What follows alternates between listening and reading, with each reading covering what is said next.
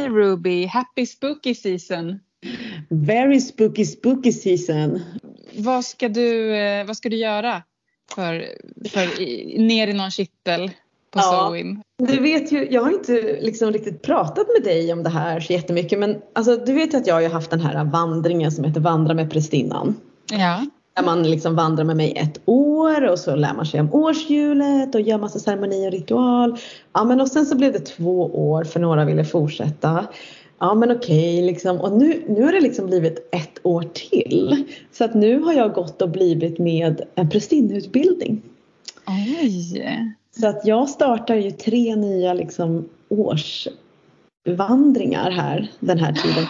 Wow! Tre nya, det är mycket att bolla ja. samtidigt. År ett, år två och sen år tre och då om man vill gå år tre så får man dedikera sig till jordprästinna. Wow. Så ja, men för att jag, alltså det här är ju liksom helt fantastiskt. Jag har jättemånga som är med och hjälper till och väver och spinner. Men eh, att sitta med fler människor som tror på magi, det är det bästa som finns för mig och speciellt här när vi ska jobba med eh, transformerande energi. Och vad ska du göra? Vi, vi är ju liksom ett coven men det är ju så folk som eh, eh, drar iväg och pluggar någonstans och sådär så att liksom vi kanske aldrig allihopa liksom men vi är några stycken i alla fall som är här på Gotland och eh, vi ska vi ska ha ceremoni i en grotta ja. in i mörkret. Gud vad härligt. Krypa in i mamma jord. Ja. Men du, en hemlig fråga innan vi kickar igång det här avsnittet. Oh my god. Jag, ja, jag hade literally oh my god. Min hemliga fråga är, tror du på Gud? Ja. tror du på Gud? Men nu frågar jag dig först. Ja, men ja. ja. Jag sa ja. ja. Men du kan väl utveckla det lite grann? eh, jag har nog, jag har alltid trott på Gud. Eh, jag eh, har bara haft problem med hur människor förutom mig själv har tolkat Gud. Nej men alltså, för mig handlar det väldigt mycket om eh, att ha en gudstro eller en gudinnetro eller en naturtro. Det är för mig ungefär samma sak. Jag tror eh, ju väldigt starkt i att man behöver rikta sin energi utanför sig själv. Sen så tror inte jag att Gud ordnar saker åt mig och fixar saker åt mig. Men jag behöver liksom lägga min tro i någon slags skål av hopp och kärlek eh, för att orka. Mm, och det gör mig till, ja nej men det gör mig mer hel att liksom eh, Alltså jag överlämnar mig inte men jag kan överlämna mig om jag vill men jag eh, har ju väldigt mycket problem i att man gör saker i Guds namn eller gudinnans namn. Och väldigt mycket eh, kärlek i Gud som tyvärr har blivit väldigt mycket hat och det, det är problematiskt. Det är därför jag kanske inte alltid säger att jag tror på Gud. För att jag tycker mm. att det, det kommer så jävla mycket ansvar med det liksom. För att vad är Gud? Vem är Gud? Bor han i mig? Hon i mig? Utanför mig? Är det ett träd? Är det en hav? Um, så till syvende och sist, ja, jag tror på Gud, Gudskraften. Uh, jag tror på naturen. Mm. Ja, djup hemlig fråga. Jag, ja, jag, skulle, jag skulle liksom överrumpla dig lite grann. Ja, det gjorde du verkligen för att eh, den där frågan får man inte så ofta. Så min eh, kära lärda, tror du på Gud? Eh, jag tror på gudar eh, och gudinnor. När det gäller typ så här Gud med stort G. Jag vet inte om jag, jag har inte riktigt någon jättestark relation till någon slags så här, eh, vad heter det, allomfattande kraft. Liksom. Utan jag har mer relation till typ den här gudinnan eller den här guden eller den här anden. Liksom. Ja, alltså, så är det nog för mig också. Jag tror inte liksom, kanske så på eller jag vet inte. Alltså jag tänker ibland känns det som att allt hör ihop och är en helhet och ibland är det väldigt riktat till just den här lilla stenen. Men sen så pratar jag ju så himla ofta i, i podden också om att så ordet tror det vrider sig i magen på mig. Mm. så det är också som en kuggfråga. Jag vet inte om jag tror på någon gud. Jag mer umgås med gudar och gudinnor. Alltså jag tycker så här, det är ganska skönt i en värld där alla tror på sig själva så jävligt mycket att lägga sin tro någon annanstans också. Ja. Alltså det är ju det, det är en väldigt narcissistisk värld när man hela tiden ska tro på sig själv. Mm. Liksom. Bara för att ge en liten annan känsla av tro. Mm, Man kan. Man kan se att, att säga att, att man tror på något annat än sig själv kan också vara lite aktivistiskt. Men jag tänker att det är lite grann som så här, tror du på havet? Men det är ju bara där. Det är inte det typ, liksom så här, det är inte att jag tror på havet, det är att jag typ eh, hämtar kraft från havet mer. Ordet tro, jag, jag har svårt för det ordet. Men alltså andra får gärna använda det. Men, men jag har inte riktigt någon känsla av det. Ja, men jag tror att tro för mig, jag kopplar det ordet jättemycket till hopp. Ah. Liksom så här, tror du att havet finns där? Ja, men jag hoppas att havet verkligen finns där för jag tar inte Ja. det. Men gud vad fint. Det är Ja. jättebra. Bra. Ta mig ur min bittra, sura syn på tro. Hoppet är min vän. Och gud, jag tänker ibland på hoppet att så här, jag är hopplös med hoppet. Det är liksom det som brinner som en jävla låga i mitt bröst. Jag hoppas och tror att det ska bli bättre. Men om det slocknar, vem fan är jag då Eldin? Mm. Alltså jag har tänkt på det så himla mycket den sista tiden för att jag har typ inget hopp. Eh, och eh, eh, nej men jag, jag, liksom, jag funderade på det så här, och jag kan inte uppbåda det heller. Alltså jag kan inte lura mig själv. Det är liksom det. Eh, och kan man då, hur fan kan man då vara aktivist om man inte har något hopp? Och då tänker jag på det Donna Haraway skriver, min, en av mina så mänskliga gudinnor. Hon skriver ju, hon har en bok som heter Staying with the trouble och det är ju typ exakt det som jag tänker. Hennes uppmaning är ju så här, alltså det, apokalypsen är redan här. Mm. Jättemiljoner med arter är redan döda liksom. Alltså Mm. för dem är det redan slut. Det finns inget hopp. Men att ehm, det vi måste göra är inte så här att sätta vår tillit till hoppet därför att då är vi så himla så- sårbara utan vi måste stay with the trouble. Vi måste typ leva i en postapokalyptisk värld tillsammans med det jobbiga. Mm.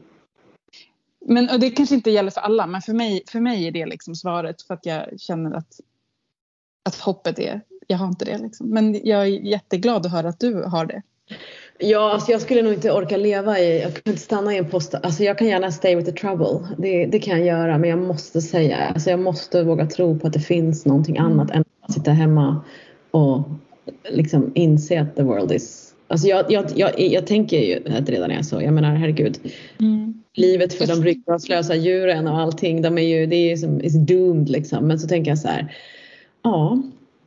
Eh, jag ska, alltså det lilla jag kan göra är väl ändå liksom någonting hela tiden. Så tänker jag. Att jag är så Mm. obetydlig i det stora hela. Men att jag gör någonting betyder någonting någonstans.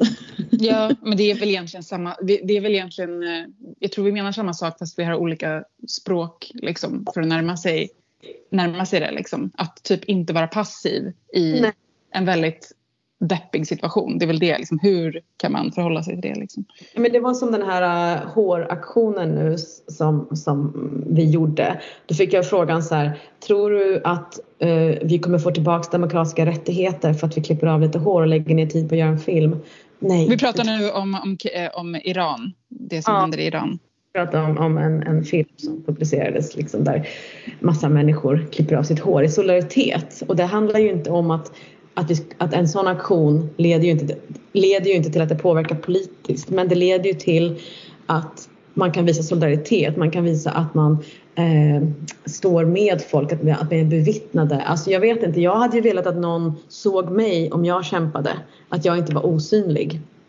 Och sen för mig då, liksom, om jag tänker utifrån Staying with the trouble så blir ju också den aktionen för mig blir ju ett sätt att inte vända mig bort från det som händer. Att bli tvungen att så här, vara med, stay with det här. Liksom, att så här, när jag sätter mig och klipper håret så måste jag i den stunden liksom vara närvarande med vad som händer. Eh, och det förändrar ju ingenting för de människorna så, men det är också det enda sättet att liksom Alltså det är ju någonstans grunden för, för att någonting ska kunna bli bättre. Det är att vi är med det som händer, att vi inte blundar för det. Liksom.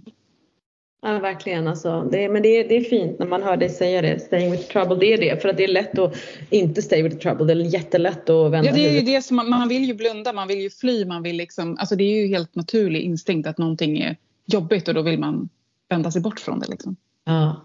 Och det kanske man måste göra ibland för att orka, men man måste också ibland stay. Sometimes you gotta fucking stay. Och grejen är så här, alltså alla våra intron är olika och det här blir vårt intro i Soen för det är verkligen också inför den här tiden så kommer allting upp till ytan. Allting man har tänkt, allting, man, allting som har ansamlats liksom. Det är så himla mycket som kokar tycker jag inför mm. att kliva in i mörkret. Så att så här, vad är det jag sen ska fundera på? Så jag tycker det är fint att vi får ta oss lite tid att prata om uh, not just so cheery cheery cherry pie grejer. Mm. Ja, det är ju vår podd så vi pratar hur mycket vi vill om vad vi vill. Podd jag menar, vi, vi, är, vi har åsikter. Det är inte någon podcast som har sagt sig vara neutral i vissa frågor och vi, den här podden är baserad på oss och vad vi tycker och tänker. Liksom. Sen behöver ju folk inte hålla med oss och det har vi aldrig bett någon göra. Liksom. Men det är, det är så den här plattformen är formad. Ja, vi, vi försöker ju inte typ föreläsa utan det här är ju ett samtal och mycket av det vi säger är ju saker som poppar upp verkligen i stunden för att vi bara är i den stunden som är. En kompis till mig tyckte att vi skulle ta upp ämnen så vi kunde bråka lite mer för hon vill ha mer drama i podden. Det är väl en jättebra idé. Alltså vi ja. kanske inte måste bråka men vi kan liksom ändå så här, om vi kan lista ut lite ämnen där vi faktiskt typ tänker att där tycker vi nog olika. Liksom. Ja. Det kan vi göra. Jag är så jävla dålig på det. Men jag ska tänka mig. Jag är men här, vi är ju såhär Libra båda två, du och jag. Ja, men hela tiden. Om jag förstår vad du menar. Nej, men vi kan nog hitta. Vi, ska, vi kanske kan bjuda på lite drama nästa år. Men ja. innan vi gör det nu, innan vi drar igång det här avsnittet så bara eh, Hallå fett jävla mäktiga patreons. 108 stycken. Du vet vad vi lovade förra avsnittet? Jag vet vad vi lovade. Vi kommer köra en mäktig tarotläsning eller runläsning eller vad det nu blir för någonting till er. Till mm. alla Patreons som vill så kör vi live med er i december. På Lucia bestämmer på Lucia. Mm. På Lucia så är det bara liksom alla Patreons, alla nivåer. Nu jävlar kör vi tills vi inte orkar längre. Mm. Men Och, eh, vi ger någonting nu också. Ja, men, vi. Jo men ja, inte vi, nej, nej inte vi. Men alltså eh, en jätte, jättefin utlottning av Emelie Styrenberg. Hon lottar ut en av sina nya keramikmuggar. Ni får kolla, vi visar hur den ser ut. Där det står häxan. Alltså, är så himla fina, verkligen så här stor och, och liksom, vad heter det? rustik var ordet jag letade ja, efter. Rustik är det verkligen. Och en sån här mugg lottas ut till, eh, till våra Patreons på eh, Crown och eh, Mother-nivå. Och sen så eh, får ju alla Patreons 20% på allt vad hon skapar. Så länken till På, på Lover-nivå uppåt va? Ja just det, förlåt. På Lover-nivå uppåt. Så eh, länken kommer finnas på Patreon. Där kommer ni ha er rabattkod och sen så kommer vinnaren till muggen presenteras där. Vi fick ju faktiskt en fråga på, efter vårt förra avsnitt eh, i Facebookgruppen som mm. passar liksom bra att vi svarar lite kort på innan vi går in på dagens gäst. Just oh, nu sa du någonting. Ja, idag är det ett gästavsnitt. Ja. Ja men det är väl en jättebra fråga. Liksom. Vad är liksom, eh, varför kan man inte kalla sig schaman men man kan använda ordet schamanism och använda det, schamanska det Ja, för vi pratade om det i förra avsnittet men sen tydligen svarade vi aldrig på det. Typiskt.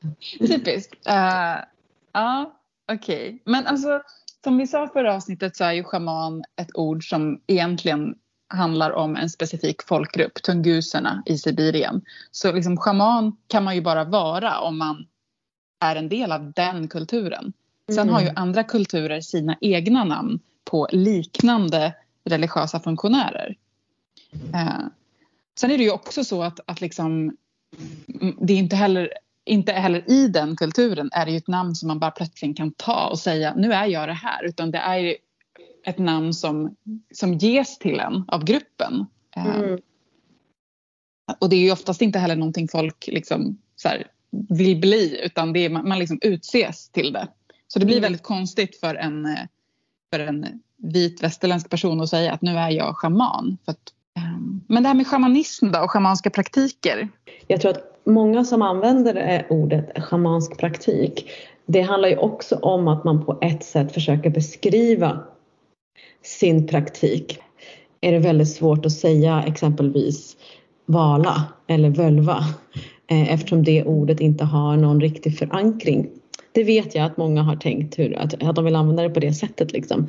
Men det är ju bara ett sätt att se på hur man skulle kunna förklara det så att fler människor skulle kunna förstå vad man gör. Eh, men det är ju också rent antropologiskt att man använder det ordet.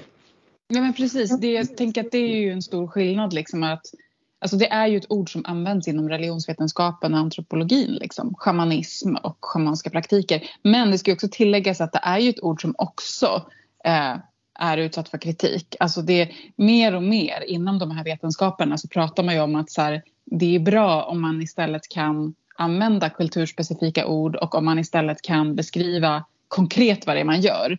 För att mm. eh, det blir lätt lite så universalistiskt som att, som att alla kulturer gör likadant men, och så osynliggörs det som är specifikt i, mm. inom olika traditioner. Liksom. Eh, men men liksom, det är ändå så att orden shamanism och schamanska praktiker faktiskt används som neutrala ord inom olika vetenskapliga grenar. Liksom.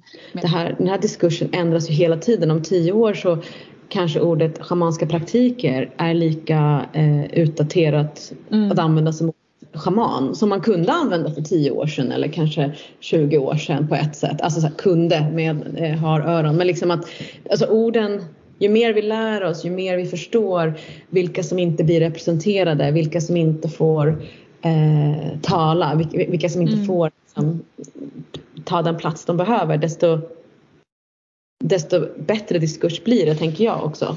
Och jag tror att vi är lite grann redan på den resan. Att shamanism och schamanska praktiker är också ord som mm. försvinner mer och mer bort från, från ja. de liksom vetenskapliga fälten. Just för att ja, de har en viss liksom kulturell appropriering i sig. Och, men också att de inte riktigt säger mm. vad som är specifikt. Liksom. Och det, det, då banar det också plats för att helt plötsligt så finns det utrymme för att börja kanske använda ordet. Exempelvis säger jag nu völva eller galder. Mm. Alltså att man kan hitta de ord som har använts även om de då inte har en så här äh, instruktionsbok hur de ska användas så är det ändå faktiskt eh, intressant att börja leta mm. efter nya ord eller gamla ord eller liksom att hitta, eh, hitta ord som inte approprierar helt enkelt. Mm. Mm. Och i dagens avsnitt eh, ja. så kommer det ju här ordet shamanism och schamanska praktiker användas en hel del en hel del. Ja, för vi har en gäst som har många års eh, arbete inom ja, olika former av ja, då schamanska praktiker. Eh, mm. och hon kommer även använda del inhemska orden. Vi var ju, vi var ju lite nervösa. för det här är liksom så här, våra idolers idol på ett sätt. Verkligen. Ja. Alltså det här är ju en, en person som har varit med från början i, i liksom, men rötterna av det du och jag gör mm. idag. Som vi har hört talas om, som är liksom legendarisk. Jag åkte ju hem till personen i fråga och eh, eh, när hon öppnar dörren så liksom ser jag bara den här mäktiga valkyrian som är typ dubbelt så lång som mig och jag känner så här, jag har tre sekunder på att göra mig värdig att träda in i den här helgade lägenheten. Och då gjorde jag som jag brukade när jag blir nervös. Jag drar ett härligt avväpnande skämt. Eh, men hon var jättegullig såklart. Åh. Alltså, hon är ju 83 år och har varit med och liksom varit med och typ grundat jättemycket av det som, som vi är liksom influerade av idag. Eh, var med i början av Yggdrasil-gillet på 80-talet eller gillet grundades egentligen på 70-talet men hon var med på 80-talet redan och ja, man har varit med och utvecklat Seiden så som vi har lärt oss den och så som våra lärare har lärt sig den. Hon är gudja i Fornsed-Sverige, var den första gudjan, alltså prästinnan i Fornsed-Sverige. Mm. Eh, och ja, det, det namedroppas en hel del liksom, så här, klassiska människor inom Seid och Fornsed och runvärlden i det här avsnittet. Och många av de här är också författare och har skrivit böcker som har stort inflytande på, mm. på mycket av det vi gör idag. Men det är kanske namn som inte alla känner till idag för att det här var ju 70-talet, 80-talet. Liksom. Mm. Men då har vi listat dem på vår hemsida.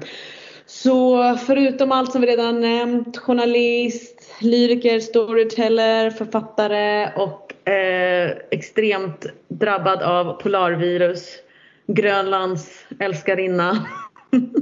Sylvia Hild!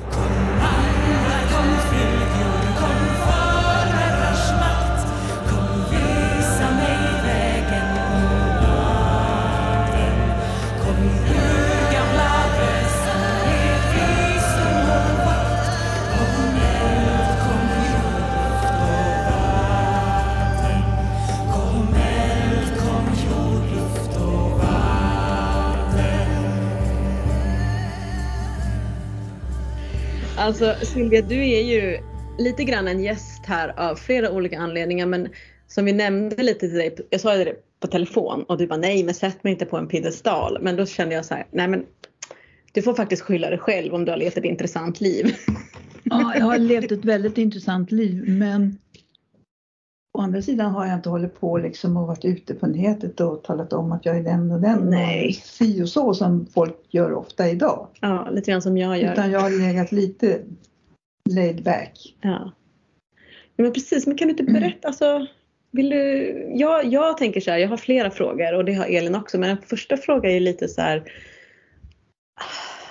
att jag vet om, eller att vi vet om ditt namn är ju genom att vi är i sammanhang som kring sejd och fornsked och eh, viss nyhedendom. Så hur, hur började den resan för dig?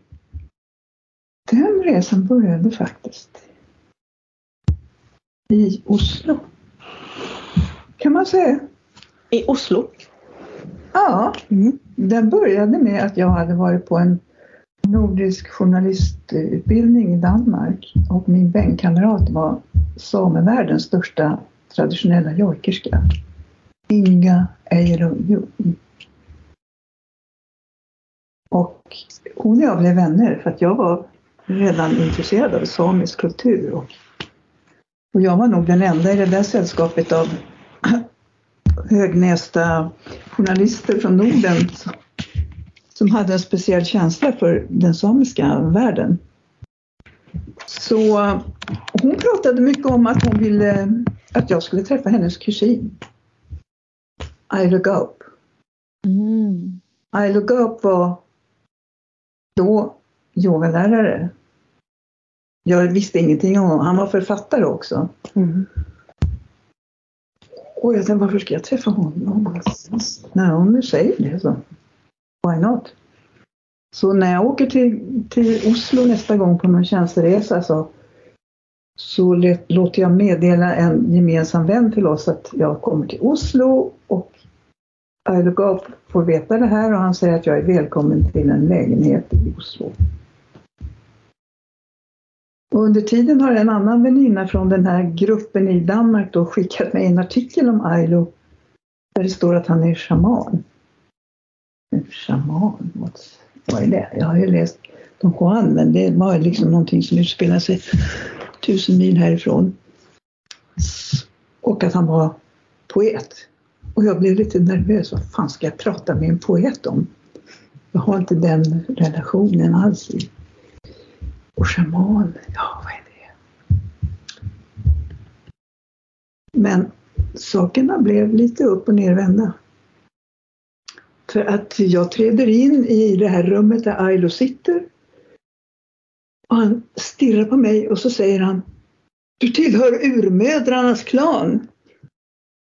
Oj, tänkte jag. Jag hade precis läst Ayla. Mm. Grottbjörnens folk. Så jag var införstådd med att man kunde ha klaner och kraftdjur. Och, och jag hade precis innan varit på en kurs också i, man skulle kunna kalla det för laboratorieshamanismen, även om det inte det begreppet inte fanns. Men som gick ut på hur man kunde använda hjärnan på ett mer effektivt sätt och utföra någonting som vi skulle kunna kalla för magi idag. Det vill säga göra förändringar som är bra. Och jag berättade för Ailo, han blev jätteintresserad och ville höra allt om den här kursen. Och eh, så han bjöd hem mig på middag på kvällen, så här, klanmiddag. Att jag hade talat om att jag hade ett, en ren som kraftdjur, för det hade jag tagit fram efter att ha läst Ayla. Mm. Så att jag går upp för en massa trappor i ett bostadshus i Oslos inre. Och ju längre upp jag kommer desto mer elektriskt blir jag. Därför att på väggarna är det målat olika samiska symboler och det liksom blir mer och mer mystiskt ju längre upp jag kommer. Han bor på vinden. Och jag är helt laddad.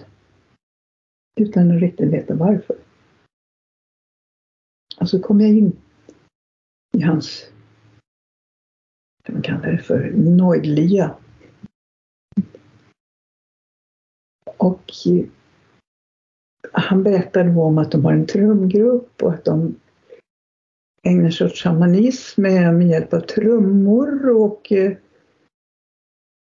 och jag bara känner, wow, det här måste jag utforska. Men det finns ingen tid för jag ska åka nattåget hem. Utan vi äter och vi blir vänner och eh, vi etablerar en relation kan man säga då. Sen åker jag hem och så på natten så får jag en dröm på tåget. Som förändrar mitt liv. Jag drömmer att jag går genom fjällen på vintern. Det är mörkt. Det är kallt, det är vitt kommer en örn flygande över himlen. Över mig. Och det är sån kraft i den där örnen så att marken skakar. Och jag blir rädd. När den har flugit över mig så släpper den så kommer det en blixt. Som slår ner i ett en fjällbjörk som står förstenad vid en isbelagd sjö. Och den här fjällbjörken, när den träffas av blixten så slår den ut en grön kvist. Mm. Och jag förstår att nu är det någonting på gång här. Så jag fick två symboler, fjällbjörken, den gröna kvisten, tecken på ett ett nytt sätt att se världen. Man kan se den även i is. Och den andra örnen. Med den oerhörda kraften som den visade mig. Mm. Så jag åker hem på morgonen uppfylld av den här drömmen. Och så tänker jag, jag måste jag veta vad det här med shamanism är för någonting. För jag hade någon sån här tanke att det här kanske hängde ihop. Så jag såg en liten annons i DN där det stod eh, att intendenten Bo Sommarström på Etnografiska ska hålla ett föredrag om shamanism hos bönmunkarna samma dag klockan två. Så jag, som ju då har varit borta ett tag, och jag samlar ihop mig och beställer en taxi och åker till Etnografiska museet. Och där står Bo Sommarström då som är en liten farbror som han tyvärr inte lever längre men och visar en film från 30-talet om bönmunkar i Tibet och jag hittar ingenting som kan kallas för shamanism så jag blir lite arg. Jag tar min sjal som jag har runt huvudet och slänger den runt hans hals och drar till så han blir alldeles röd i ansiktet. Och så säger jag, du skulle prata om shamanism. Och då säger han, lugn, lugn. Om du verkligen vill veta så får du komma till mitt kontor i veckan. Vem tror du stod utanför hans kontorsdörr? i veckan. Jag. Ja. Och då så berättade han att det fanns ett eh, nätverk här i Stockholm som ägnar sig åt shamanska metoder som heter Yggdrasil. Men det, det ledde till alltså, att nu är spåret ishat. Rakt in i framtiden. Är det här liksom för oss som hänger med, är det här liksom typ 70-tal eller 60-tal? Nej, det är början på 80-talet. Början på 80, okej, okay, ja. Mm, förlåt. Mm, fortsätt. Ja, så att jag blir uppringd. Jag blir uppringd av Jörgen I. Eriksson. Han säger, jag har hört att du känner Ailo Gaup och eh, intressant. Och han var väldigt intresserad av samisk shamanism. Mm. Så jag fick plötsligt en status på grund av att jag kände Ayla Gap. Mm. Och jag blev inbjuden till att vara med på ett, eh, ett möte som kallades för Starbrak. Ett shamanskt möte för att eh, samla kraft för det nya året. Mm. Som man har vid eh, vintersolståndet. Men eh, eh, jag blev också uppringd av en man som jag hade fått veta var väldigt hemlig och hade skulle ringa upp någon. Men han hette Jonathan Horvitz. Mm. Han ringde upp och han hade då hört att jag var intresserad av att ordna en kurs i shamanism. Och han ville gärna vara lärare på den kursen. Och jag hade en månad på mig att samla ihop 30 pers och så hade vi en kurs, en nybörjarkurs i shamanism. Så två helt oson, Jörgen på ena sidan och Jonathan på andra tog kontakt. Och jag började förstå att det här är, här, nu är nornerna igång. Så de håller på att väva någonting här. Det är bara att hänga med. Mm.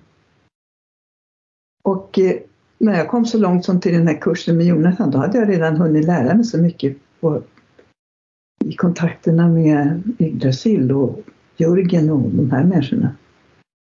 Så det var bara att fortsätta. Mm. Så, så började det. Mm. Jag menar att nornorna hade redan bestämt sig. Ja, Att den här Hild, hon ska nog inte sitta hemma och tro att hon bara kan vara intresserad av Grönland. när du beskriver den där elektriska känslan när du går upp för i trappuppgången. För jag tänker att jag kan känna igen känslan. Jag tänker att fler som lyssnar kanske kan göra det. Just den här känslan av att nu drar nornorna i trådar. Nu, alltså det, är en viss, det är en viss känsla liksom. Ja, absolut. När det är liksom någon slags magi i, i färden. Så, så ja, Ja. det, det kan kännas i luften liksom.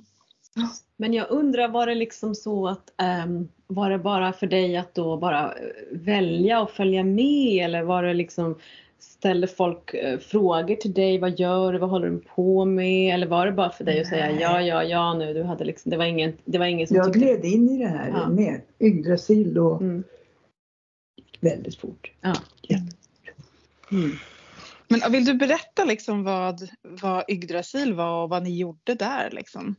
Mm. När jag då drogs in i Yggdrasil så var nätverket höll på att etablera sig i lite större format. Det var faktiskt 100 medlemmar runt om i Sverige. Och- jag vet det därför att jag blev den- utsedd att skicka kallelse till alla de här 500 medlemmarna. Så jag kan se framför mig den här högen av listor. Eh, Men det fanns då en grupp här i Stockholm som var väldigt aktiva. Och det var det här gänget kring Jörgen, kring Bodvar Bjarke, alltså Mikael Hedlund och Mikael Geijel, Eva Wolgers och Marie Eriksson och några till. Och när jag nu var med på det här första Starbrock som jag nämnde om så utspelar sig också den här historiska sejden som eh, på den, den gången förstod inte jag någonting av det här för jag kom ju bara in som en total nybörjare, visste ingenting, tyckte att folk verkade lite lagom knäppa bara. Men den här sejden som gjordes då, den var till för att söka skydd och kraft för Hanstaskogen i Stockholm som var allvarligt hotad. Och hur vi den natten ute i Gustavsbergs slottspark kallade på turskrafter, rimtursarna som skulle kyla ner situationen. Och temperaturen föll under den natten så att vi kunde inte ens gå på toaletten för allt vatten hade frusit. Och bygg, byggarna som skulle bygga kontorshus i Hanstraskogen, de, de vägrade att arbeta för de kunde, det var för kallt. Så de lät sina maskiner stå. Och eh, där blev de stående. Och sen eh, kort därefter så säger eh, kommunen att vi lägger projektet på is. Det var ju väl valt uttryck för rimtursarna. Alltså det här är ju verkligen en historisk sejd. Den finns ju nedtecknad i Galina Lindqvists eh, avhandling också. Ja. Eh, och eh, jag tror att den, den har inspirerat så mycket magisk aktivism liksom efter det. Det är, ju, det är ju verkligen som du säger en historisk sejd som, som eh, många av oss andra aktivister har liksom inspirerats av. Så himla häftigt att du var med. Ja, men det var min första sejd och jag hade ingen aning om vad sejd var då. Men Ja, som- jag kände ju den här kraften och jag tyckte att det var en väldigt häftig upplevelse. Men den var inte alls lik en vanlig sejd. För att Bodvar Bjarke var inte nykter. jag tror inte att Jörgen var nykter heller. Alltså, vi hade druckit innan. Och det gör man ju normalt inte inför en sejd. Och vi hade in, inte, det var inte så att vi stod i någon cirkel och hade någon i mitten utan varandra. Jag tror att han sprang omkring i snön där. Och Jörgen kanske försökte hålla en viss ordning men Mm. det var en lite kaosejd. Och det kan jag nog rekommendera som en bra framgångsväg. Att släppa lite på ordningen Släppa, och ja. gå in i själva kraften av Ja. Mm. Mm. För det blev en väldig kraft. För det var min fråga, jag tänkte så här, nu var ju det här din första sejd, men hur, hur sejdade de? Alltså om det inte var just den här, för det finns ju olika, alltså olika skolor eller åsikter om sejd och var det, liksom, Ja, ja. var det på ett specifikt sätt i Yggdrasil eller? ja. Ja. Och var kom den Vi fortsatte ju efter det här, efter rimtursarnas inträde i Hanstaskogen så fortsatte vi att sejda ungefär varannan vecka. Vi var en trumgrupp, vi åkte dit ut. Vi byggde en sejdgälle, hög. Och där utförde vi sejd varannan vecka. Mm. För att rädda Hanstaskogen. Mm. Och det gick till på samma sätt. En sejd kan ju aldrig, alltså de är ju, alla sejder är ju olika. Mm. För att, men det finns en ram Mm. som är lika och det var att vi stod i cirkel runt den här sejdgällen. En gjorde sejden, klättrade upp, satte sig där på fällar och neddragen huva och staven. Eh, och vi som stod runt om, vi, vi trummade och sjöng. Precis, och ni Det turades var om. så vi gjorde. Ja. Och vi turades om med Mm. att sejda. Ja. Mm. Och den här traditionen av sejd, hade Yggdrasil konstruerat den?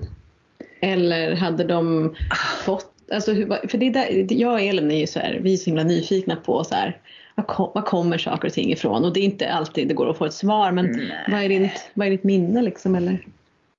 Ja, men jag klev ju rakt in i det här. Mm. Då var ju den formen redan etablerad. Men jag vet inte hur det såg ut innan, men jag tror att det var rätt kaosaktigt. Mm. Jag tror inte det fanns riktigt än. Men är det... Ja, förlåt. Men den där historiska sejden, den var ju inte som vi gör sejd normalt. Nej. Så jag kan nog inte riktigt ge svar på den frågan. Nej. Men jag undrar om det liksom, kommer det från den här Erik Rödes saga eh, om Torbjörg Lillvölva? Är det liksom ändå den beskrivningen som det liknar? En, eh, alltså den historien, den sagan har ju varit en förebild för hur vi har sejdat Mm. på den tiden. Vi till och med återskapade en sån sejd genom att äta hjärta från ren och från andra djur en gång. För er som inte är i samma rum som Sylvia så är det ett, ett tveksamt ansiktsuttryck om det var gott eller inte. Jo, Ja. alltså renhjärta är ju gott Ja, det är i gott. och för sig. Ja, men jag tänkte i Seid-sammanhanget för du såg, det, jag har svårt att tolka Ja, ansiktet. nja, sådär. Sådär. Det här okej. var på sommaren också. Så, vet jag. Så det var som en historisk konstruktion? Ett, Nej, det kan man inte nej. säga för att i, i eh, Thorbjörn Lillvälvas saga så finns det ju inga trummar som står runt omkring. Nej. Men det finns det ju källor om att man hade den här ralliden med kvinnor då, nio kvinnor som stod runt om Bellman och trummade henne i trans. Mm. Så vi har väl mera följt det receptet. Mm. Men här är det både män och kvinnor som, som säger där. Mm. Så. Och det är inte så att det kan finnas någon, det här är bara så här, det här är verkligen du vet, så här önsketänk som många har tror jag också kring Seid att det ska ha funnits någon obruten linje någonstans. Nej, nej, nej. Men det är ju bara att glömma liksom. Ja, ja. Mm.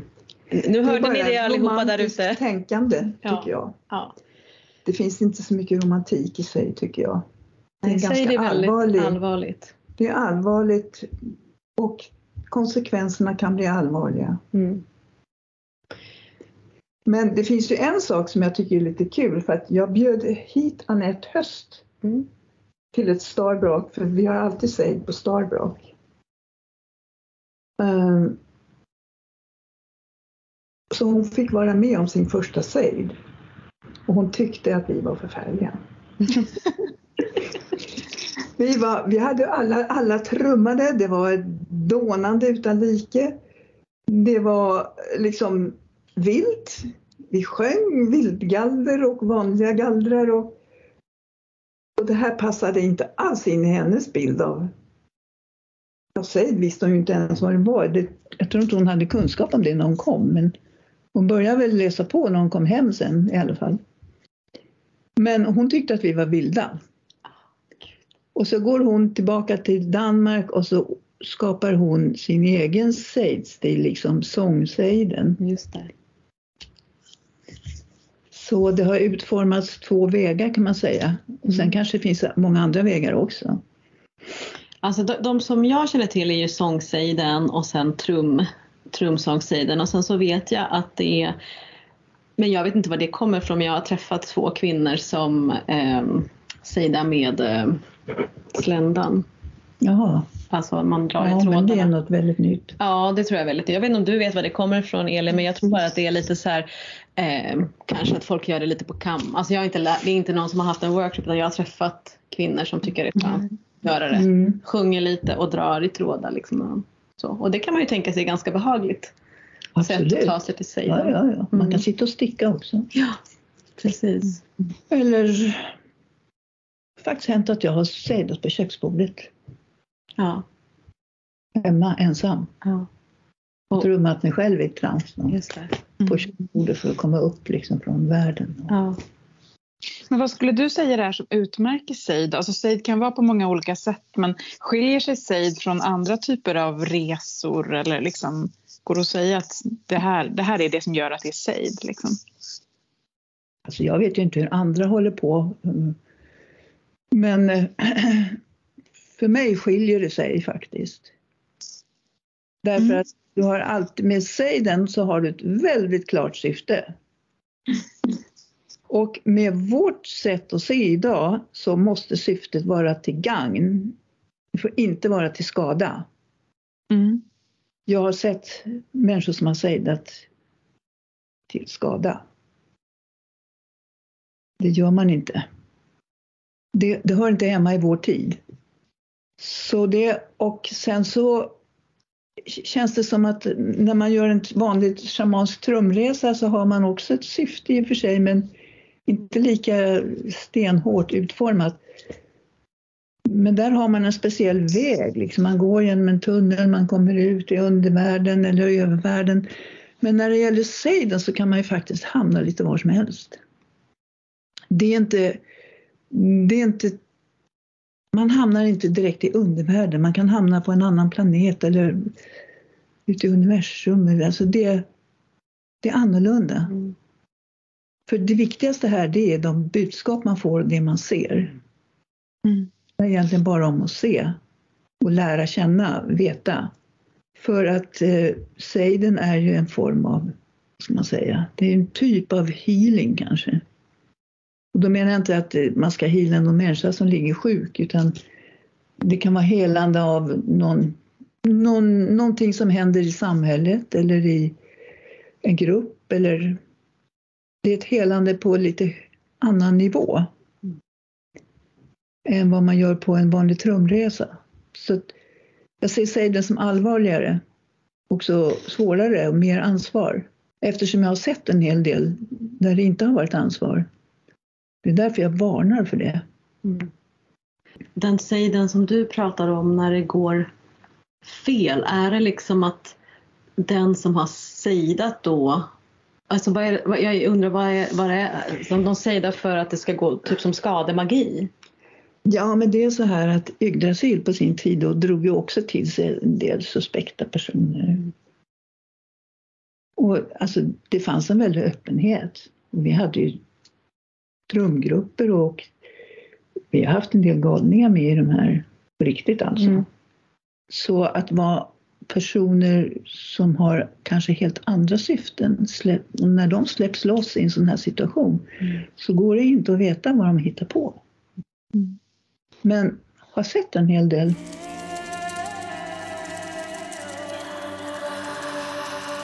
Min personliga upplevelse är att ibland när man sejdar så är det väldigt kan det vara ganska behagligt och det är ganska okej okay att vara där man är och landar. Men ibland är det så himla traumatiskt också att man nästan inte riktigt vet om man ska berätta vad man har sett utan att filtrera det också. Ja, det händer ju. Eller hur? Faktiskt. Att det är så här, ska jag, ska jag berätta det här nu? Att det knappt finns något hopp? Eller liksom så, här, vad, mm. hur, så ibland kan jag tycka att, och det är jag nyfiken på hur du har jobbat med eh, hur ska jag transkribera orden från Seiden till de här människorna? Ja, jag brukar nog berätta. Jag såg bland annat den här ubåten Kursk när den gick under. Just det. På en sejd. Mm. Och jag var väldigt många så här, jag förstår ingenting så här. Det sitter en massa sjömän i, nere på havets botten igen. Mm. Sen kom ju den här nyheten om Kursk då. Just det.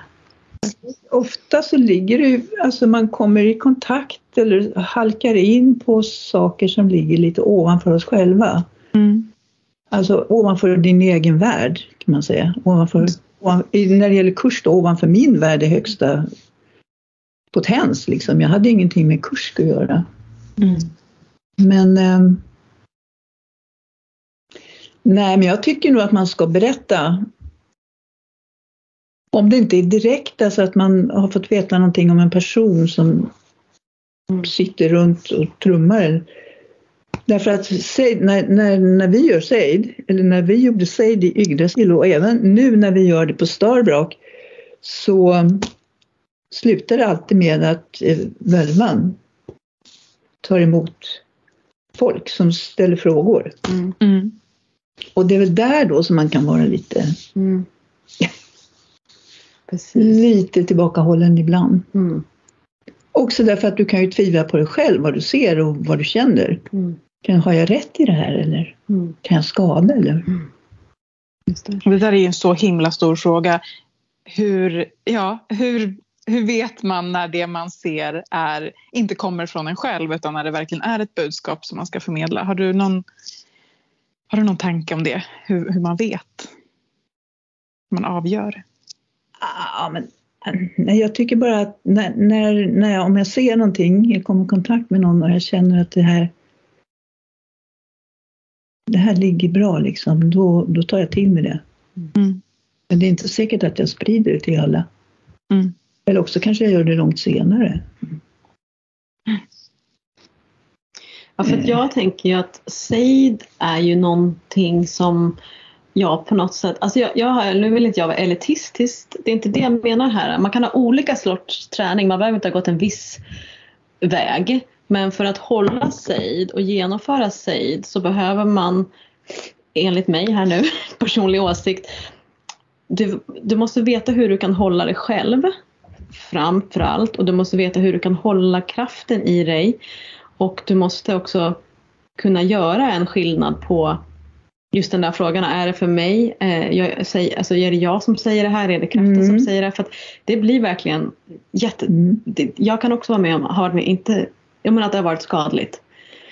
Men det där, det, alltså det, jag tycker inte att det är någon fråga under själva sejden, men när det kommer till att folk kommer fram, Ja, precis. det är då. Mm. För då är det svårt att veta, talar jag utifrån mig själv Mm. eller för att jag vet vem du är eller hur är det? Ja. Och jag har märkt att andra gör det misstaget Mm. också. Vad jag försökte, jag försöker när jag säger det liksom att eh, hela tiden eh, att försöka se så lite som möjligt av den värld jag sitter i och bara försöka vara i den världen som är. Ja. Men ibland blir det ju svårt om man blir lite trött. Då behöver man Mm. ta en paus så att man kommer tillbaks. Eh, Ja. för att, eh, ja, nej men det där, och det är det. Det är tråkigt om Seiden skulle bli så populistisk och trendig att det blir typ en så här råd. Nu, nu ger vi lite råd. För jag tycker inte att det är den kraften vi pratar om. Att det är så många unga, de har sett Vikings och såna här vikingafilmer och Ja. nu tycker de att det här med sejd och allt som har med fornsked och så det är jättehäftigt liksom. Seider. Ja, precis. Det Ja. finns en viss exotifiering och Så att, exoticism eh, av jag- vikingar jag just försöker nu. hålla mig lite utanför det där. Mm. Du, vad hände Mm. med Yggdrasil? Ja men Yggdrasil löstes upp så småningom. Men det lever lite kvar på något sätt för att vi har då en tre dagars ceremoni som vi kallar för starbrak. Starbrak betyder när solen vänder. Där har vi haft en stor shamansk fest. Med massor med olika ceremonier, ritualer, rening i form av häftiga bastuomgångar och magiska vandringar i skogen där man möter väsen och eh, run, eh, eh, ska man säga, Runkvist i skogen och ja, en massa olika händelser som vävs tillsammans det här under begreppet Starbuck där bocken också är väsentlig. Bocken växer upp och sövs efter Starbuck. Så det är väldigt mycket bockenergi som råder under de här tre dagarna. Mm. Men huvud, ska man säga, höjdpunkten under Starbuck det är Bragemiddagen. Bragemiddag. Ja, Ja. och den kräver många förberedelser då i form av de här olika ceremonierna. Framförallt en väldigt häftig reningsceremoni i bastun. Och en Bragemiddag går till så att man innan middagen går och funderar på vad behöver jag uträtta under det här året som kommer nu. Och så gör vi en drömresa där man bekräftar att eh, jag har valt rätt. Och sen under själva middagen som är då ofta väldigt festlig och väldigt fint dekorerad med saker från skogen och det är magi. Och det är mycket sprit. Det är kryddad sprit, olika kryddningar varje år. Så reser man sig upp inför alla och med Odin själv som sitter vid, vid kortändan med en stor präktig kuk som man slår i bordet när han är missnöjd. In kommer för arg som han var, Ja. drämde sin kuk i bordet. Alltså du Ja, menar det. det. är alltså en riktig liksom, kostym här nu som dräms i bordet? Eller är det här? Ja, ja. Ah, ja all det är right. inte den. det är inte den riktiga. Det här är betydligt större. Stackars den som gör förkroppsligande av orden. Mm. Nej. Aj.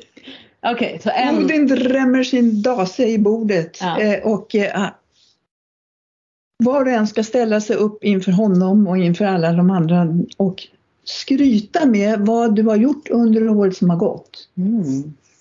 Och sen måste du ta i ännu värre Mm. och verkligen braga dig över att det du tänker göra. Mm. Och jag lovar under alla de här åren som vi har haft, alltså vi har haft ända sedan början på 80-talet då. Så har det skrivits en hel del böcker, Mm. tagits många körkort. Mm. Det är en som lovar att han skulle gå på vattnet men det tror jag inte han har fixat ännu. Nej. Eh, alltså storvulna löften. Mm. Och många har infriats. För det har verkligen varit som en riktlinje, en kraft. Wow, vilken Vad fantastiskt. Och just det här med bragmiddagen och kanske att samlas vid den här tiden. Nu brukar vi ha, ha vi har övergått till tiden vid eh, 13-dagshelgen för att tre dagar är svårt att komma undan i december. Mm. Någonting som jag råder alla att samla ihop en grupp och göra sånt här. Gör ceremonier, ritualer. Gör en häftig rensning i bastun Mm. med ledning. Mm. Ungefär som en svettlodge. Mm. Och Alltså. dra igång den här middagen. Under högtidliga former. Mm. För man får så mycket energi. och att få berätta vad man har gjort och att få Ja, liksom, skryta också. om vad man ska göra. Det är Ja. nästan aldrig man får skryta ju. Nej. Det är ju väldigt tabu. Och jag hörde på radio nu för några dagar sedan att Bragemiddagen uppfanns nog på 40-talet här i Sverige. Mm. Ja, då blev jag förvånad. Jag tror det var vi som hade uppfunnit det. Men finns det någon som liksom leder Starbuck eller är det liksom ett anarkistiskt och folk bidrar med olika saker liksom, eller hur? Nej, det är ledning som behövs där. Det är alltså jag som har varit ledaren i alla år. Sen efter Rygdrasils upplösning. Men jag har Mm. alltid tagit hjälp av andra. Vi har alltid varit en liten grupp. Mm. eh, På tre, typ tre personer där var och en bidrar med sitt. Mm. Så att vi har en form för det här men vi lägger också in varje år är det ett nytt tema. Så ett år kan det ha varit eh, eh, att vi haft nornerna, urd, värdande och skuld eller som tema. En annan gång kanske vi har haft eh, vissa gudar. Eh, det skiftar från år till år beroende på vad vi sitter, ofta sitter här i min soffa och diskuterar och kommer på. Det är, ofta så att, är det ofta så att ni förkroppsligar de här äh, gudarna och krafterna också? Ja. Liksom? Ja, därför att innan den här beragemiddagen så har vi en mystisk, magisk vandring i skogen. Och den här årstiden är det ju mörkt. Och då har vissa personer fått i uppdrag att vara, om vi säger nu att det är några gudar, så får de klä sig så att det passar in och så ställs de på olika platser i skogen. Så är det en marschallledd vandring upp och sen högst upp på berget där står gudinnan själv i vita lysande kläder. Och eh, säger några visdomsord till alla som kommer upp och sen så får de dra en runa för året som kommer. Och så tolkar hon eller också så får de tolka själva. Hur eh, får man en inbjudan? Ja, du kan få en inbjudan, det är inga Ja. problem. Det Ah. är, nu ligger det, för att nu har det varit lite stiltje här. Ja. Vi hade bara Bragemiddag utan Mm. någonting annat. Mm. Senast på grund av covid. Ja, ja, ja, ja, ja. Men nu finns det krafter som säger, men äh, kan vi inte få till det? Kan vi inte? Mm. Allt hänger på lokal. Ja, ja, jag förstår. Så har du en lokal, Mm. Ja, Okej, okej. att man måste kunna övernatta. Ja, man ska kunna övernatta och så Vi måste är det finnas ganska vana att ligga på golvet med Mm. och bastu. Mm. kan vara problem med den här energikrisen. Hallå, hör ni det nu podcastmänniskor? Det finns ett behov av en lokal för denna, denna härlighet. Då kanske vi kan få en inbjudan.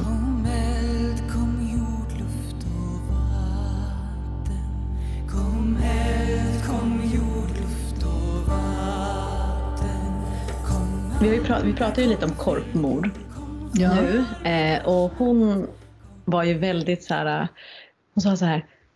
Ni, om ni pratar med Sylvia så måste ni fråga om Grönland. Ja. ja, det är min grej. Ja, Grönland är din grej. Berätta om Grönland. Ja, För alltså. jag menar, när, om det här hände då, när du gled upp där i Oslo, så hur, när kom Grönland in? Grönland kom in 1978 i mitt liv. Jag skulle ha semester och jag visste inte riktigt för att jag har tidigare varit gift i Italien och liksom åkt dit varje sommar med min dotter så att hon ska få träffa sin pappa. Men, men nu kände jag, nej jag vill göra något annat. Så jag slog upp det igen. Där stod det en tre, två raders annons. Vandrarturer på Grönland, ring. Och så var det ett nummer till Köpenhamn. Och jag hamnade hos Dansk vandrarlag. Och så säger jag, men kan man vandra på Grönland? Det är väl bara is där. Nej, så det är som att vandra i fjällen. Så det gick två minuter så hade jag köpt över telefon två biljetter. Min dotter som var ytterligt motsträvig. Och jag som inte visste vart jag åkte till. Så jag, och jag hittade ingenting, det fanns inga böcker om Grönland. Det var väldigt okänt på den tiden. Jag såg bara framför mig istäcke, isbjörnar. Det var liksom min bild av Grönland. Och så jag började, nu börjar jag också bli elektrisk. Va? Inför, jag hade en månad på mig och förbereda mig för den här resan. Och den resan jag gjorde då tillsammans med min dotter Emma, det var en, en eh, organiserad vandring med ledare och vi bodde väldigt primitivt eh, men ändå. Vi hade en som sa att nu ska vi göra det här och det här och det här. Men jag kände när jag gick ut från planet, då hade vi åkt över hela inlandsisen och där kan man ju lätt lura sig att tro att det bara är ett plant isgolv. Vilket det inte alls är. Mm. Så, ju närmare man kommer så ser man ju sprickorna och så ser man vatten som väller fram. Och det blir mer och mer livfullt i isen. Och så landar vi och så går vi ut ur planet och jag blir stående där på lejdaren. Jag blir helt knockad. Jag drabbades av det som kallas för Grönlandsvirus, eller polarvirus. Det är en obotlig sjukdom. Och vad ska man säga, symptomet är längtan. Till Polar och Grönland. Ja, Mm. du är fast. Du måste dit. Och du, din dotter är med dig här också. Ja, Vad hon fick inget polarvirus. hon fick inte polarvirus. Det var du. Det var bara jag. Ja. Jag var förberedd för jag älskade att åka till fjällen och, och det var uppe i Sameland och uppe i Nordnorge. Och, så jag hade ju mina trådar va? men Grönland var ju liksom helt fjärran. Och sen så, vi hade en fantastisk resa där och, men det var ju som en vandrartur med en massa utländska turister så att jag lyckades ju skaffa mig några bekanta där i alla fall, brevvänner vad man heter. Så, som ledde vidare sen. Så att du kunde komma tillbaks. Ja, det hade jag kunnat då, men två år senare Mm. så var det dags igen. För ett år senare då åkte jag med samma vandrarlag till Färöarna. Och jag, jag ser mig själv att jag sitter på stranden på Färöarna och tittar mot väst och Mm. gråter för att jag längtar till Grönland. Så två år senare så åker jag dit och då blir det något helt annat. För att på Grönland så har man i, i gammal tid så samlades folk på ett ställe för att jaga tillsammans och utväxla kontakter och också byta, vad säger jag, gener. Mm. Så kan man säga. Ja. Alla vet vad du menar. Ja. Mm. Så det här var en gammal, gammal tradition som var väldigt viktig för överlevnaden.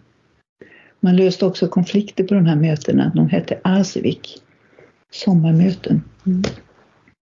Och nu hade Asivik återuppstått.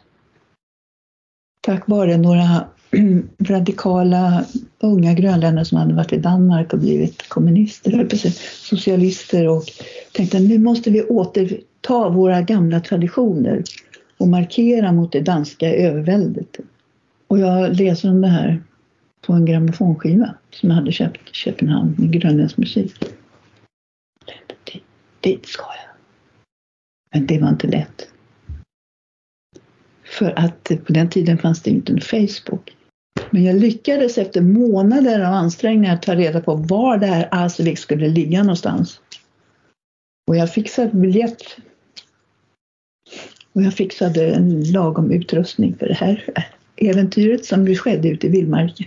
Så jag gav mig iväg en tidig morgon från Stockholm. Och eh, nästa morgon med fyra timmars förskjutning då så vaknade jag i mitt tält ute i vildmarken på mellersta Grönland. Det känns lite konstigt att prata om det för att jag håller på att skriva en bok om det här. Ja, ja, ja. Mm. Så. Så um, jag vet inte om jag blir klar någonsin. För Nej. att jag börjar bli så trött. Ja. Men eh, jag har skrivit om allt det här. Har du ett spirituellt möte där då på liksom, det här mötet också eller? Ja, Alltså, jag tyckte nog att mitt möte med Grönland överhuvudtaget var väldigt spirituellt. såklart. Jag var väldigt intresserad av deras gamla myter och deras eh, förhållningssätt till livet i gammal tid, Mm. innan kristendomen. Mm. Så. Eh, Men det handlade också väldigt mycket om erotik faktiskt. Och, Med landet och naturen? Eller? ja, inte erotik med landet, men med landets män kanske. En del av dem. Några stycken. Mm. Ja, ja, ja, okej. Eller nu, nu, nu får du höja volymen här. All right, så att du träffade lite dudes på Grönland. Dudes, vad är det? Killar. Killar? Ja, Män. Ja, nej, men just på det här lägret då Mm. så blev det någon slags magi. För Mm. att jag var där, jag var där någon månad tror jag, de första två veckorna. Så var jag, jag var helt utstött. Det var ingen som pratade med mig överhuvudtaget. Så fort jag fr- frågade någon så fick jag bara veta, jag vet inte och så stack de liksom. Mm. Så jag var jätteledsen. Jag tänkte så här är det att vara invandrare i Sverige. Och så hände någonting som gjorde att jag blev väldigt, jag gick ner i botten och tänkte jag vill härifrån. Och, och eh, pratade med en kille som hade en båt och han skulle åka in till stan och jag frågade får jag följa med? Ja visst. Han stack utan att ta med mig. Nej. Då föll jag ner i, i en fjällsluttning och grät vilt. Och tyckte nästan synd om mig själv, men inte riktigt. Och det blev, alltså det var någon som hörde det här. Någonstans. På en annan nivå. För när jag kommer därifrån sen och ska gå till mitt tält så kommer en liten man fram till mig och säger Vill du komma till vårt tält och dricka te med oss? Den mannen hette Isaias. Och jag kommer till hans tält och dricker te. Och känner, ah, nu äntligen. Mm. Sen träffar jag dagen efter mitt livs kärlek. Okej. En man som heter Torbjörn. Mhm. En Grönlands längsta man. Han var 1,93. Han satt varje dag i en stor cirkel där jag satt med och lyssnade på alla, allt prat som försiggick där. Och bara stirrade på mig. Och till slut så slog det ut en stor böld under mitt öga. Så, vad fan är det här frågan om? Och sen så mötte jag honom i en situation där vi var ensamma. Och det ledde till att vi började prata. Och så pratade vi och pratade hela den dagen och hela natten. Och sen var vi ihop. Det är mer än bara erotik, det är din livs kärlek som du träffade. Ja, då, det var inte så mycket erotik då. Det, det var inte det jag tänkte Nej. på, utan det var själarnas möte. Ja, just det. Och vi kunde sitta i naturen och se och så tänka på samma sak. Och det kändes verkligen som att oj, här är det någonting väldigt starkt mellan oss. Men var det så att du var utanför för att de tyckte inte att du hade rätt att vara där för du var Nej, men alltså det var ju sådana eh, stämningar på Mm. Grönland. Idag är det kanske ännu mer då att eh, det finns ett motstånd mot danskar Mm. som är historiskt betingat. Såklart, ja. Ehm, och just då så var det väldigt så här ett parti som höll på att bildas som var socialistiskt. Och nu skulle inte några danskar komma hit och lägga sig i och så kom jag från Sverige och, och jag upplevs väl kanske lite på samma sätt.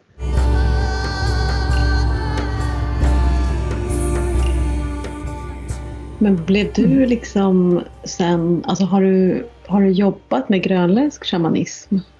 Mm. Mm. Under den här tiden så gick jag faktiskt på, på universitetet i Köpenhamn och läste grönländska. Och var väldigt knuten till Köpenhamn under Danmark under en lång tid. Och studerade mycket mytologi och eh, andlighet. Alltså alla deras schamanska eller ceremonier gick ju till in, eller var ju oftast inne i hyddor. Och där sitter ju folk runt hyddans väggar och så ligger schamanen på golvet mellan de här britsarna. Så det är ju det här cirkel och en som i mitten. Men den grönländska schamanen är ju betydligt tuffare än vad vi är. Mm. liksom. Hur Och då? man- Man tror ju idag att de här schamanerna, de heter angakocker, att de, en del var nog, de hade lärt sig en massa trick. Mm. Liksom att de kunde skapa ljud från undervärlden som strömmade ut i hyddan och folk var jätterädda och satt. Och som fick, de torkade skinnen och prasslade vid ingången för då kom andarna in. Och, men folk satt och sjöng runt om. De sjöng schamanen i trans. Mm.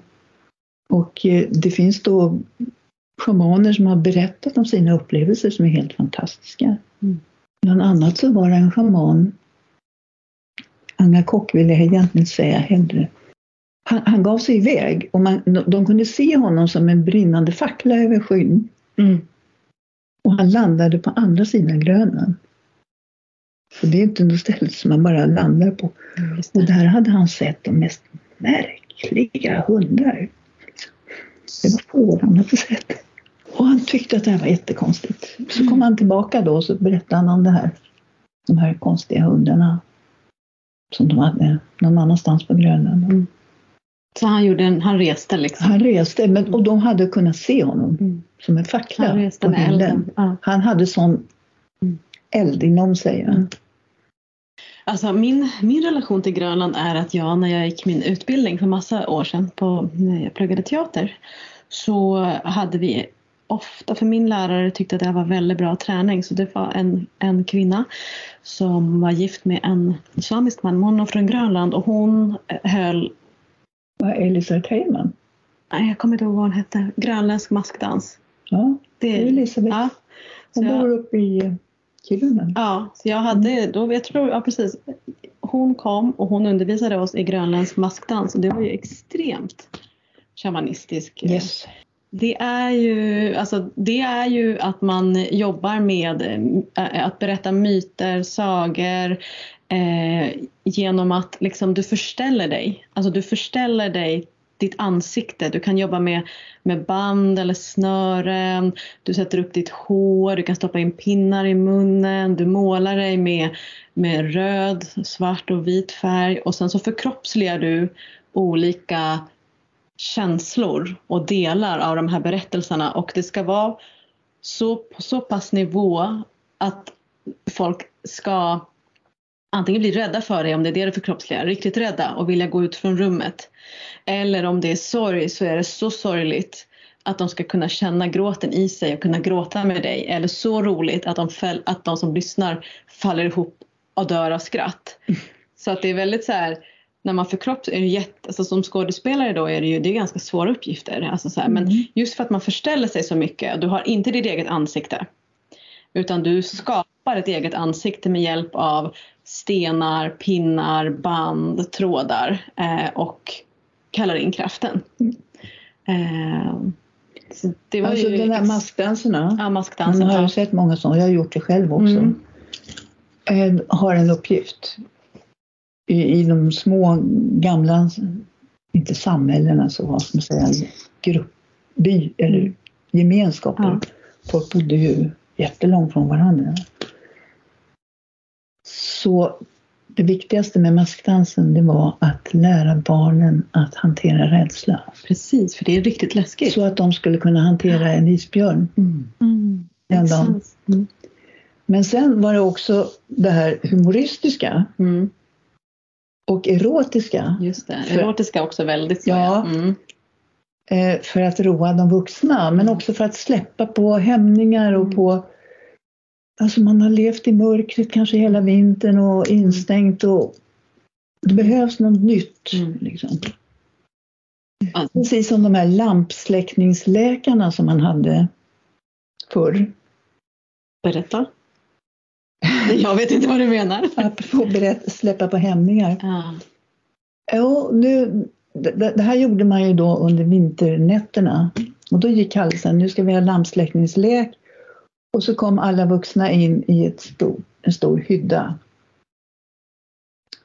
Och där i mörkret, det var verkligen mörkt, så valde man en partner. Och så satte orgien igång. Och sen efter så var det en kul grej att gissa vem man hade knullat med. Jag vill göra detta nu. Var det här på Grönland alltså? Eller var Det här var inom den inuitska kulturen Ah. på Grönland bland annat. Men också Alaska och Kanada. Mm. Alltså jag tycker såna här lite mer, alltså lite mer sådana där grejer generellt i livet tycker jag skulle vara roligt. Ja, för att det här var ju ett sätt att överleva också. Ja, jag, jag, jag menar ju det. Alltså, Ja. det, det. Nu när vi går in i den mörka tiden också så här, hallå. Vi har massa härliga tips här på vad vi kan göra.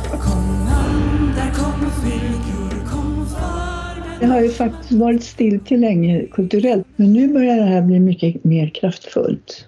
Och, och man börjar liksom tränga in mer i myterna och förstå dem. Och, och det hänger nog ihop med det här med shamanism också. För jag var där och skulle hålla en kurs i shamanism. Så, på universitetet tror jag det var.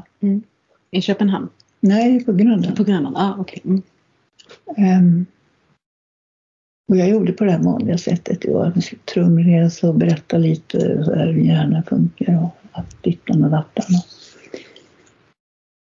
Och sen så resulterade det i att jag höll en riktig workshop nästa dag med sex stycken. Och de var lite rädda för det här. Det låg för nära i deras, det, de här angakockerna, en del av dem var inte att leka med. Mm. Eh, Så att, men då var det en kille som reste sig upp och sa Nu förstår jag vad vi kan använda trummorna till. Mm. Så det väcktes någonting där. Mm.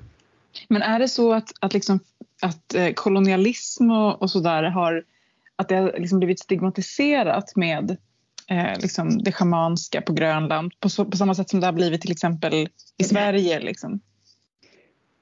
Ja, alltså det är ju prästerna, det är ju kyrkan. Ja. Mm. Därför att redan på 1721 så kom det en präst från Bergen till, eh, till Grönland som hette Hans Egere. Och hans uppgift var att försöka kristna grönländarna. Han visste inte vad han kom till, han trodde att det fortfarande levde vikingar som han skulle omkristna Mm. asatron. Men han mötte ju inuiterna. Och eh, så småningom, liksom steg för steg för steg, så växte ju det här och idag är ju Grönland väldigt religiöst. Man är religiös, man är kristen helt enkelt. Jag är lite nyfiken på din praktik nu, för nu är ju du med i Fornsked, Sverige. Ja, Och där är du Gydja, eller hur? ja. Ja. Det, det var helt enkelt så att jag fick ett medlemskap i, i Fornsked av Per Mm. i Per födelsedagspresent. var med i vårt avsnitt eh, Frigg Fornsked, filosofi. Mm. Så då klev jag in där och sen vet jag att vi satt på en IKEA-restaurang och skulle till något årsmöte nere i Skåne och vi sitter på den här IKEA-restaurangen i Småland och så säger han bara det. Du, ska vi införa en gudje och Gydja i församlingen, i samfundet? Äh, vill du? Ja, sa jag då utan att veta vad det innebar riktigt. Men... Och så att det blev så att vi blev valda till Gode och Gydja på det årstinget. Mm. Helt oförberedda var vi. Mm. Men vi hade en tanke och det är nämligen att Boden och Gydjan hade en viktig uppgift och nämligen se till att vårdblotet i Uppsala kommer Mm. till. Mm. Mm. Och det har vi hållit i. Hur många år har du varit Gydja? Vad det kan ha varit då, 2007 kanske, någonstans där. Mm. Men nu är det ju, nu är det ju många godare och Ja. gudjor och så det är ju helt annorlunda. Men då var vi liksom envåldshärskare på den där posten. Men Och det är ju som en slags, det är ju som en slags prästinna då, eller präst och prästinna för ja, samfundet. eller gode har ju ansvar för mm, den andliga verksamheten i samfundet. Mm. Och det kan ju ske på olika sätt genom blod. Folk kan ringa till oss och prata om sina problem. Som själavårdare? Ja, själavårdare, fast det kallas något annat. Ja. Jag har glömt vad det heter.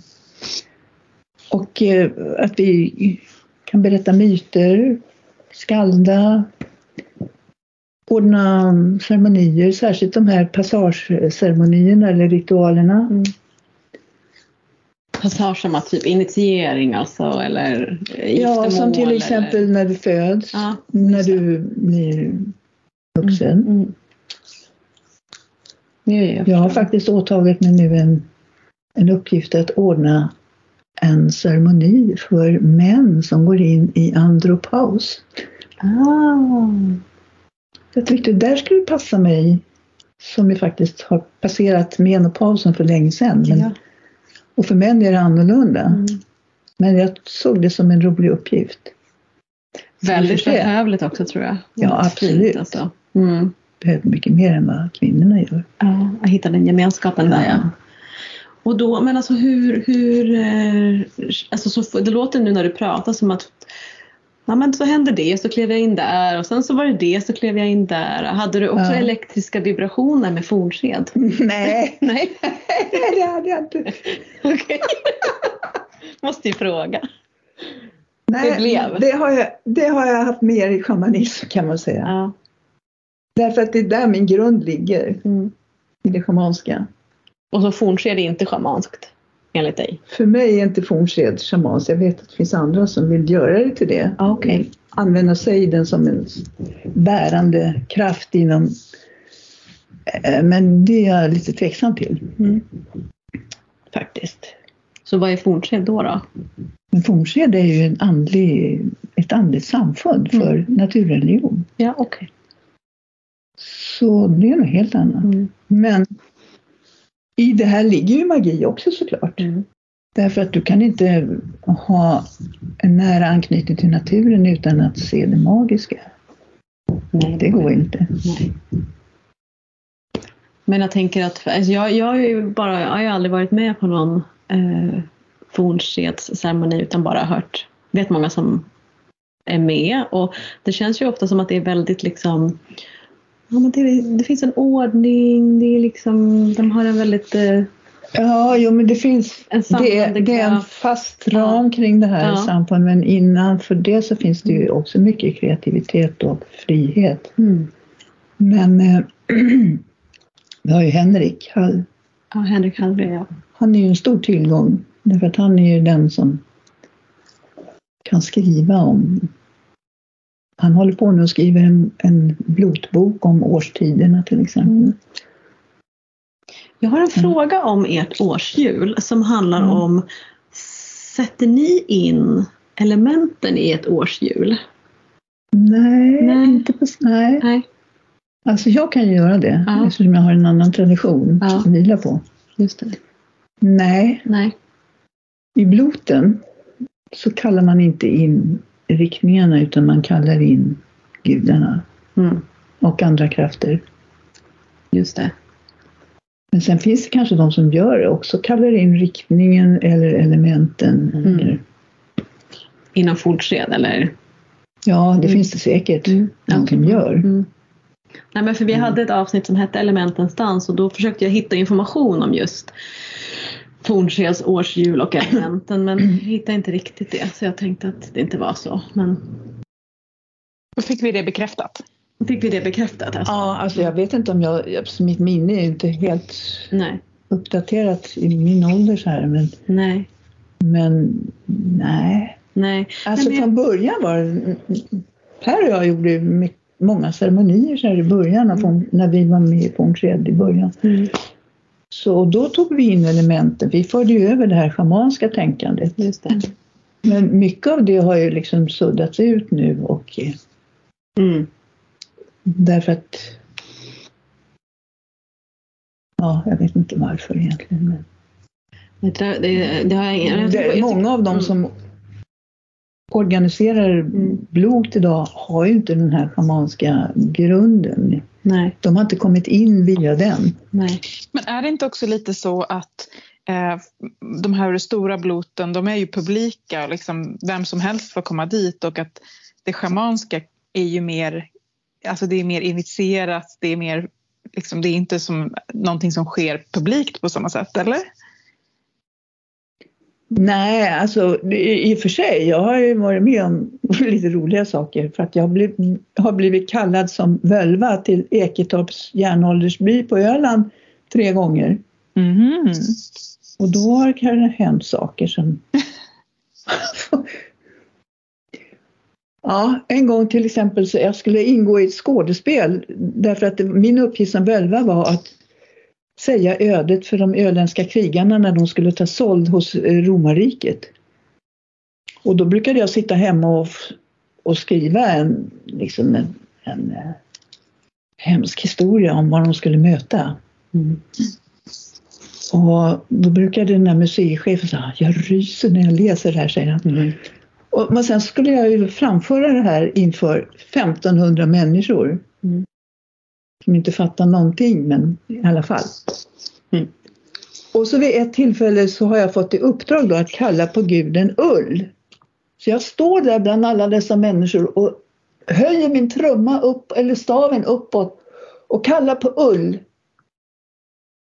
Det går två sekunder, sen kommer ett åsk eller ett, ett regnväder som jag sällan skådat. Alltså alla människor bara flyr. Völvans spådom. Från dåtid till nutid till framtid. Vi älskar och tackar er Patreons från djupet av våra hjärtan. Tack, tack, tack. Puss, puss, puss. Ni är otroliga. Så en av de saker som vi gör för att hylla er, det är ju att varje vecka så drar vi en utav er som blir föremål för völvans spådom. Låt völvan tala. tala. Tack så jättemycket Christian Skogstad för ditt stöd. Du har völvans spådom den här gången. Tack Christian. Ja, du har ju verkligen stött oss super, super, super länge. Eh, och när jag drog ditt namn så satte jag mig nere faktiskt inte riktigt. Eh, jag gick ner, ner till en äng som jag ibland går till eh, för det var så himla mycket dimma på morgonen. Och där så trummade jag och ja, tänkte på ditt namn eh, och på dig. Och det som kom ur dimmorna det var väldigt, väldigt det var väldigt personligt faktiskt för att det som kom ur dimmorna var liksom väldigt tydligt för en gångs skull. Eh, så det som jag fick till mig var faktiskt en gud. Som jag är säker på är en gud för att han hade bockfötter eller getfötter. Och sen var hälften man. Jag är säker på att det här var Pan. Och för mig är Pan en gud som jag har haft med mig sedan jag var så, sen jag började min, att vara liksom andlig. Faktiskt liksom någonstans så tror jag det kom. Jag läste också Grottbjörnens folk när jag var typ 14 eller 15 och det är någonting med den här mannen från landet. Eller man, alltså inte från the countryside utan från naturen. Och jag tänker att Pan för mig representerar han har, det finns ju massa historier om Pan såklart, liksom, vem han är och urstark och eh, spelar sin flöjt och jada jada jada liksom, och myterna. Alltså, men det som, är så, det som är med Pan för mig är att han är långt, han är ju uråldrig, han är ju långt innan Olympus, han är en gammal gammal kraft. Och för mig personligen så kommer Pan alltid in i mitt liv och påminner mig om när det har blivit lite för allvarligt. När det har blivit för lite lek, för lite njutning och bus. När jag liksom har börjat ta mig själv på lite för mycket allvar och börjat grotta ner mig i de, de tunga energierna. Och jag vet inte om det är så här för dig Christian, men min tolkning av panan han kom var just det här, ah, återigen, påminnelsen om att vi faktiskt får välja lätthet och njutning i våra liv. Och påminning om att skitsamma vad någon annan tycker. Om du vill leka så lek. För Pan gör det. Pan följer liksom inga andra lagar eller samhällssystem än skogen. Han är ett med skogen. Så det var det som kom den här völvans spådom till dig Christian. Gud vad fint. Alltså Pan är ju verkligen en av mina favoriter också. Och jag, alltså det som kommer upp för mig direkt när du pratar nu det är ju, alltså apropå det du har lyft så mycket Sylvia under det här samtalet om det liksom erotiska och det lustfyllda och den passionen för det representerar ju pan väldigt mycket också, alltså sexualitet, erotik Ja. och att eh, liksom ge plats för det. Det är väl också därför pan har då demoniserats ganska mycket sen i kristen tid liksom. Eh, för att han, han står för det som det köttsliga och det lustfyllda. Så kanske att ge plats för det också. Leve bocken. Just det, leverbocken. Snart kommer bockens tid. Så vad härligt.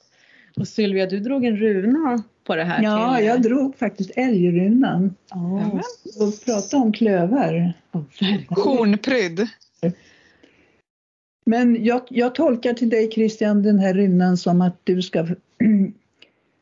Den här runan är en direkt kanal till djurriket. Och du ska tänka lite på hur djuren beter sig. De är helt naturliga i, sitt, i sin omgivning. Så att släpp alla fasader, släpp alla konstiga uttalanden och försök att vara märkvärdig eller sådär utan var ditt naturliga jag. Försök att nå dit så kommer du att må jättebra. Du kanske mår bra nu också men det här kan ju bli lite extra krydda åt verkligheten att vara dig själv. Lever bocken! Bocken lever! Ja, Wow! perfekt avslutning alltså. Det, det, det, det tar vi med oss. Leverbocken. Ja, hörde du det Christian? Gud vad härligt. Men jag tänker så här, det är ganska fint att få en eh, runa av en kraftkvinna som sitter bredvid mig. Alltså. Mm. Stort tack Sylvia, det här var helt otroligt att få ta del av dig och den du är. Och det var väldigt lite. Men, Ja, men Ja. lite. lite men vi, man blir ju sugen på mer så att eh, nej, du får skriva den där boken. Just Ja, skriva boken och förvänta dig mm, besök på Blot tror jag. Det kommer, det kommer många människor som blir nyfikna på att komma. Ja. Ja, vi ska ha um, Alvablot nu den 5 november här nere i Eriksdalslunden. ja, det blir Och det, är ju, det är ju efter att det här avsnittet sen så då kan ju folk dyka upp då kan kanske. man gå på Fornskeds Stockholms hemsida och se hur man hittar dit. Jag går in på Fornsed Stockholms hemsida, kolla på Alva Blot, hur hittar ni till Eriksdalslunden och sen så letar ni bara efter en Valkyria slash Völva slash eh, Gudja slash Sylvia. Ja, kommer vara- Där. Nej, Nej. när, de är, Nej, när de nej. är i Eriksdalslunden så kommer de hitta dig. Ja, ja. Ja, ja, ja, Ja, de det får kommer leta de att efter göra. dig. Ja. ja. Okej, men eh, tack så jättemycket. Puss puss! Tack! Hej då.